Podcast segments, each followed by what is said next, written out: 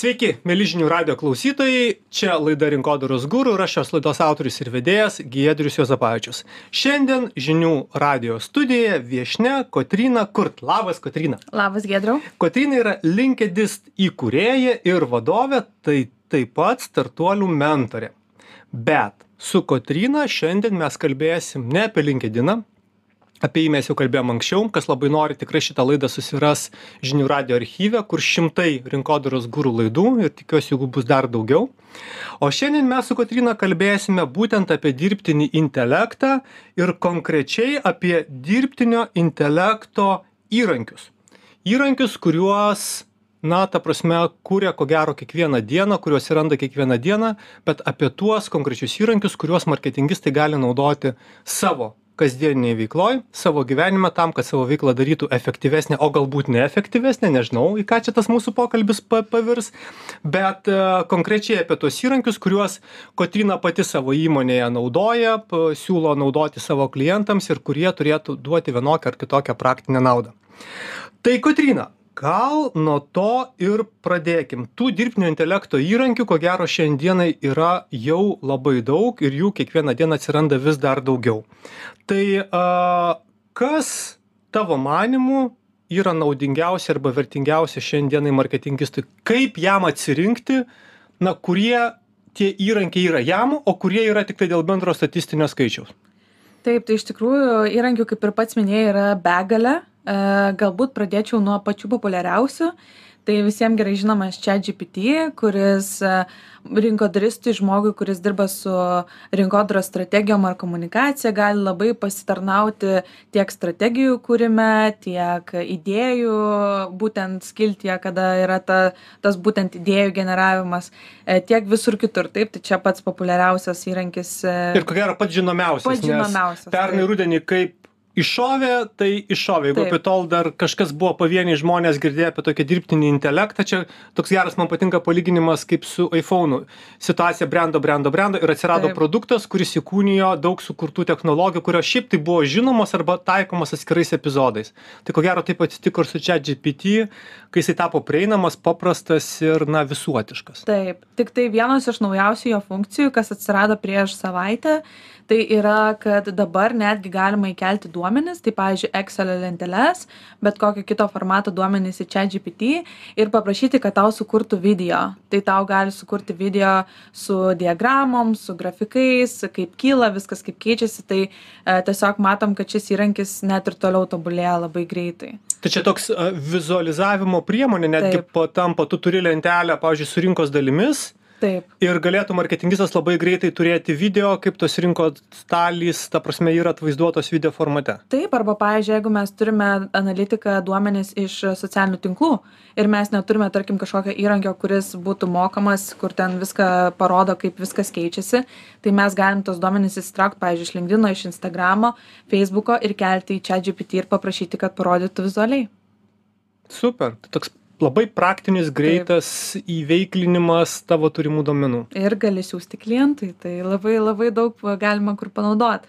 Um, apart chat gpt tai aišku kas liečia vizualinę dalį tai yra daly ir midjourney irgi du populiariausi įrankiai. Tai jei, tiesa, dar jeigu pabandytum, to, na nežinau, jeigu įmanoma tos dirbtinio intelekto įrankius paklasifikuoti, ar juos būtų teisinga kažkaip klasifikuoti nes jie daugumą iš tiesų turi na ir tą ir analitinę dalį ir tą informacinę tokią mhm. dalį tai ar ar kažkaip tai vis dėlto jie klasifikuojasi į kažkokias labai ryškias atskiras grupes pagal savo panau pano panaudojamumą arba kuriamą vertę aš manau kad yra tokių kurie ne negalima dėti kažkur į vieną ar kitą skiltį kaip chat gpt nes jie daro labai daug funkcijų. Universalūs. Bet tikrai taip bet yra tokių kur pavyzdžiui atlieka vieną funkciją tai yra tarkim tiktai daro vizualus arba tiktai gamina skaidres arba tiktai kuria teksto kažkokį tai formatą tai priklauso labai nuo įrankio bet tokių vat ryškių grupių tiesiog čia reikėtų žiūrėti pagal tavo poreikį jau. Tikrai taip. A, šiaip dažniausiai ir skirstom mes arba vizualinė dalis, arba tekstinė dalis, arba balso video dalis. Tai va tokios didžiausios tos trys grupės būtų.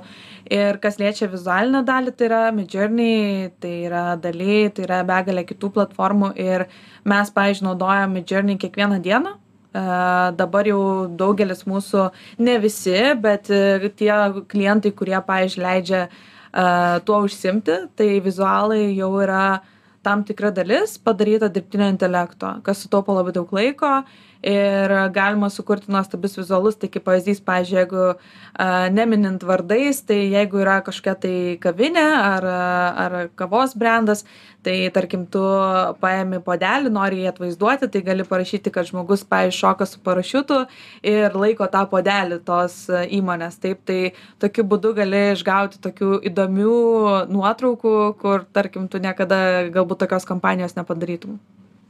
Ar šitas įrankis vėlgi tų vizualų kūrimas e, tavo praktika yra jau dažnas jūsų klientų naudojamas savo vizualioje komunikacijai Mes iš tikrųjų jų paklausėm, ar mes galim tai daryti ir tada jie, jeigu jie perleidžia visą kontrolę, tai jau mes žiūrim, kiek mes ten naudojam, bet e, taip sakykime, iš dešimt klientų, kokie šeši yra atviri naudoti, ne visada, nes yra ir nuotraukų, yra ir kitų formatų, bet yra atviri naudoti tai. Taip. Mhm. A, Kotina, žinai ką, čia klausimas truputėlį šalį, bet e, visą laiką, ne, ne visą laiką, bet kyla tas etikos klausimas, tai yra autorystės klausimas. Kaip sakai, mes klausėme kliento, a, ką tu pati galvoji, nes ko gero, a, kitas uh, kūrėjas gali kurti produktą ir pateikti užsakovui net jam nežinant, kad tai yra sugeneruota dirbtinio intelekto. Reguliavimo kol kas čia nėra jokio. Ne tai aš galvoju kad čia yra na kiekvienos įmonės ir žmogaus e, sąžinės reikalas ar jis nori sakyti kad tai yra jo darbas ar kad tai jisai sugeneravo taip.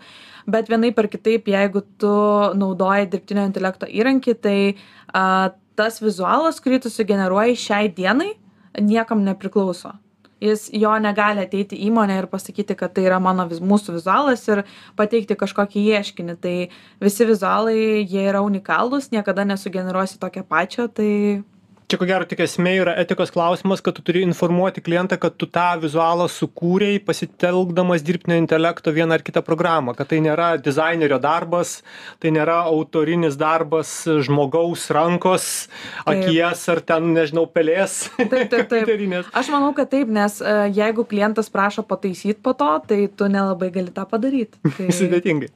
gerai šokime prie dirbtinio intelekto įrankių praktiškai naudojamų marketinge. Tai a Midjourne'is ir Daly yra kuriant vizualus ir Taip. tūlas lietuvis e, e, kūrybinės agentūros žinau, kad tikrai naudojasi labai plačiai Lietuvoje irgi šitais įrankiais jau, jau šiandien dienai. Taip. Tai net ir į apdovanojimus kiti keliauja sukurti vizualai. Gerai, judėkim toliau. Kas toliau? Toliau, ką tik tai Google AI irgi išleido Google Ads'ose naują, naują tiesiog naujieną tai yra kad irgi bus dirbtinis intelektas integruotas į reklamos paleidimą į kiekvieną žingsnį. Tai reiškia ir parašys tekstus ir padarys vizualus ir balsą dirbtinį galės įgarsinti reklamai visą garsą tiesiog žmogaus e, ką tu parašysi tą įgarsins. Žodžiu nuo a iki zet visas procesas bus e, google ads su kaip sakant su dirbtiniu intelektu kūrybinės agentūros nebereikės? Nežinau, čia klausimas. Šiaip kūrybinės agentūros visą laiką, aš manau, turės tą padaryti, na, kokybės patikrą. Nes tu gali gauti įvairiausių rezultatų, tai nereiškia, kad tu juos paleisi, bet taip, jeigu, tarkim, turi vidinį CMO, kuris e, vadovas marketingo puikiai išmano, kas taip, kas ne, tai gali greit sužiūrėti, jeigu kažkas kitas paruošia taip. Google produktas planuojamas laike, ar jau jo yra kažkokios testinės versijos? Jau jis yra išėjęs. Jau faktiškai galima naudotis. Taip. Jis mokamas, nemokamas? Šitos informacijos nežinau, bet manau, kad tai tikriausiai bus dalis Google Ads reklamos kūrimo. Tai tikriausiai mokamas, bet pasižiūrėsim, kaip, kaip jie, nes dabar tik tai tam tikriems žmonėms prieinamas. Testinis toks mhm. turbūt variantas. Gerai. O kas prieinama visiems? Tai iš tikro iš tikrųjų yra įvairiausių įrankių tai mes ką dar patys naudojam tai yra attention insights irgi lietuvių sukurtas produktas. Lietuvaičių? Taip attention insights ir ir jis būtent yra figmoje. Tai tiesiog parodo visiem vizualams kur žmogaus akis žiūri kaip vizualą kurti labai irgi geras įrankis. O šiaip kalbant apie apie įvairius kitus įrankius tai pavyzdžiui kas tarkim nori kurti skaidres bet neturi tam laiko tai yra toksai įrankis taum a, ten tiesiog užtenka vėlgi kaip čia GPT parašyti vieną, du sakinius, apie ką skaidrės turi būti. Ir iš karto per kelias sekundės sukuriama yra ten 20-30 skaidrių formatų, tu gali redaguoti, yra vizualai paruošti tekstai ir tau nereikia gaišti laiko galvojant skaidrių turinio ir dar tada techniškai jas darant. A, Melžinių radio klausytojai, aš tiesiog priminsiu, kad a, Kotrynos šia laidoj minimi dirbtinio intelekto įrankių pavadinimai taip pat nuguls a, po laidos i- ir galėsite juos tiesiog, na, jeigu neįsiminėt, a, galėsite atrasti parašytus, galėsite pasibandyti, pasipraktikuoti, pasidalinsiu tiek aš, tiek Kotrina linkedinuose savo paskirose kartu po, po išėjusio šito įrašo. Taip. Ir Dar, ką? dar turiu, žinok, vieną, tai yra Lea Pix Converter. Ir, pavyzdžiui, šis įrankis, tarkim, nes kaip ir minėjau, yra įvairiausių tokių labai specifinių. Tai šis įrankis paima tavo 2D nuotrauką ir tai yra beje nemokamas įrankis, ten tam tikras kiekis generacijų, bet paverčia ją į 3D. Tai tiesiog jeigu turi labai aiškiai nuotraukoje, kad ir podelį, tai gali padaryti taip, kad tiesiog iš visų pusių tas video juda ir tada ta pati reklama, komunikacija tampa daug unikalesnė, nes tiesiog žmogus gali matyti, kad kažkas juda arba yra įdomiau tiesiog. Tai. A, šito įrank- įrankio naudojimas reikalauja iš tavęs kažkokių specifinių žinių, ar ta gali Ne. tiesiog, vėlgi, socialinio profilio valdytojas arba tas, kas atsakingas už turinio kūrimą, a, imt, naudoti, padaryti ir tiesiog tada įsikėlęs pasidalinti. Čia yra minutės reikalas ir labai labai paprasta naudoti. A, viskas labai aišku, kelių mygtukų paspaudimu, įkeli nuotrauką, pasirenki, kokio formato 3D tu norėtum ir, ir tau sugeneruoja. Tai taip, Mhm. bet kas gali. Žinai, tu pasidalink vėl patirtim, kaip tu atsirenki įrankius, kuriuos verta naudot. Ar bandymo būdu, e, nes yra beprotiškai daug, pasiūloje yra dalis jų mokamų, kur tu Mhm. gali, gali trailą turėti, gali turėti mokamą prenumeratą, Taip. iš to netgi verslo tam tikra jau šaka yra susiformavusi, Taip. kai žmonės kuria dirbtinio intelekto įrankius, specifiškai sprendžiančius tam tikrą vieną ar kitą problemą, ir tu tiesiog gali įsigyti, e, vėlgi už kaip prenumeratos mokestį, kad Mhm. galėtum to įrankiu naudotis. Kaip tu pati juos atsirenki? E, Tai iš tikrųjų seku žmonės tiek LinkedIn, tiek Twitter'į, kurie rašo apie tai, apie įvairius dirbtinio intelekto sprendimus. Viską iš tikrųjų bandom patys. Aš pati dažniausiai atsisinčiu tą programą, e, pasibandau, paeksperimentuoju, pasižiūriu, ar veikia ir tada, jeigu veikia, supažindinu komandą su įrankiu. Tai čia yra tiesiog domėjimasis, pasibandymas ir, kaip ir pats sakai, daugelis įrankių turi trial, tai aš nesu dar nei už vieną mokėjus, tiesiog išsibandai, pasižiūri, jeigu kad nors reikės, tai žinai, kur rasti. Ir mes iš tikrųjų komandai turim a, puslapį sąrašą, kuris vadinasi dirbtinio intelekto įrankiai. Ir kiekvienas komandos narys kiekvieną savaitę gali pridėti naują įrankį, pažymėti, ar jis yra pardavimams ar rinkodarai. Ir tiesiog trumpą aprašymą, kad visi kiti komandos nariai matytų, kaip ir kokie dabar yra įrankiai, ką mes naudojam, kokios galimybės. O vat įdomu vėlgi, pardavimams, tai tie įrankiai, kurie dirba su analitika daugiausiai, e, ar yra tavo kokie favoritai, arba ką jūs siūlot, e, apdorojant, nežinau, didelės duomenų bazės e, reikalinga, darant generatyvinės kažkokias analizės, ar tai yra daugiau jau specifiniai įrankiai, kurios atskiros įmonės kūrėsi savo reikmėm, tai yra, ta prasme, panaudodami jau tuos atvirus kodus. E, Kažkokio tokio vieno įrankio būtent dabar iš dir- iš dirbtinio intelekto srities aš neišskirčiau, mes asmeniškai naudojam Autograph, tai, tai mums veikia geriausiai. Mhm, jeigu apie tą įrankį šiek tiek plačiau. O Autograph irgi yra lietuvių sukurtas įrankis. e, Štai didžioji dauguma preferencijų yra lietuvių sukurta Tai dirbtinio intelekto reikia, įrankiu. tai reikia paremti lietuvius, kurie kuria kažką. Tai, tai Autografas irgi yra nuostabus įrankis, kurį mes naudojam analitikai a, raportams daryti. Ir visa tai užtrunka 2-3 minutės kiekvieną mėnesį mums paruošti naują raportą, tik pažymėti naujas datas ir viskas. Tai visą procesą atsiskaitimo kely su klientu esate supaprastinę. Taip. Kuo mažiau a, rankinio darbo. A, Čia ko gero didžiausia vertė yra dirbtinio intelekto įrankių. Taip.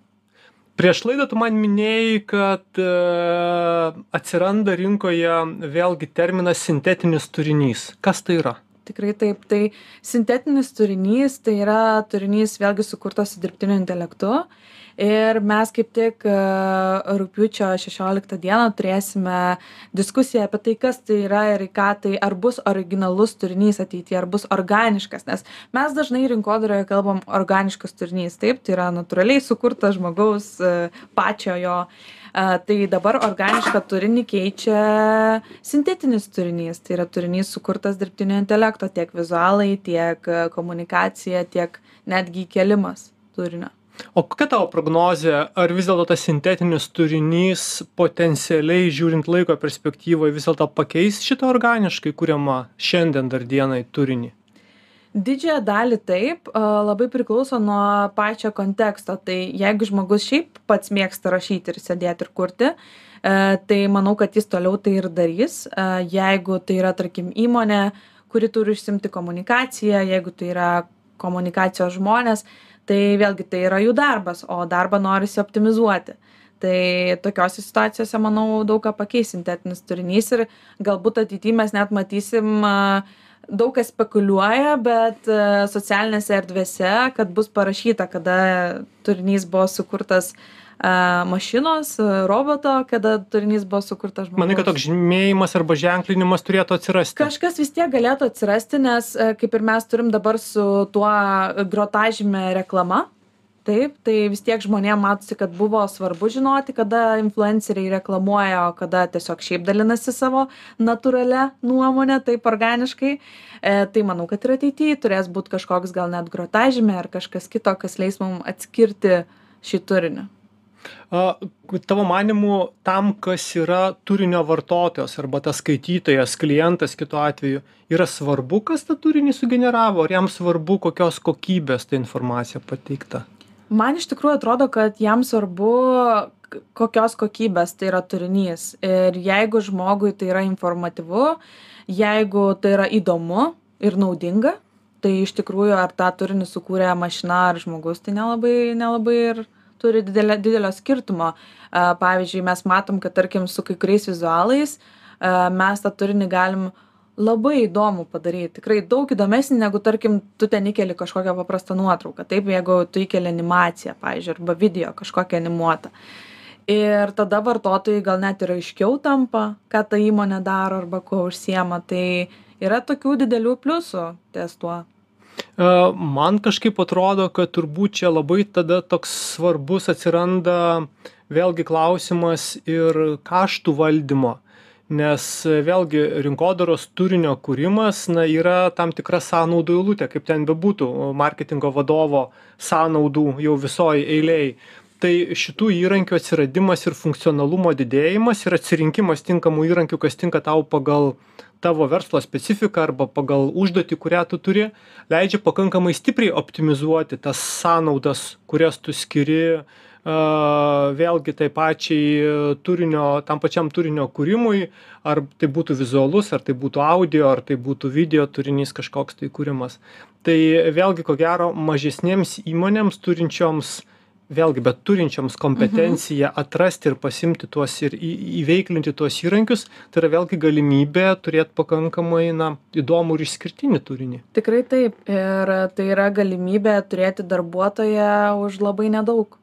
Tai yra galimybė turėti um, rinkodaros uh, tokį kaip robotuką, kuris bent jau kai tu neturi galbūt didelio supratimo rinkodaros pasaulyje, kas vyksta, kaip tai turėtų atrodyti, tai jau tau yra didžiulė pagalba. Jeigu, pavyzdžiui, tu esi vadovas, vadovė ir visiškai neturi žinių, tai bent kažkas, tai bent kažkokie tai gerieji pavyzdžiai ateis iš, iš įrankių bet e, reikalinga tam vadovui ir vadovei domėjimasis kad tu žinotum kur rasti tuos įrankius ir kokius įrankius reikia įdarbinti kad jie tau padėtų nes na čia taip iš dangaus nenukris ko gero nu kaip chatgpt. Tikrai taip.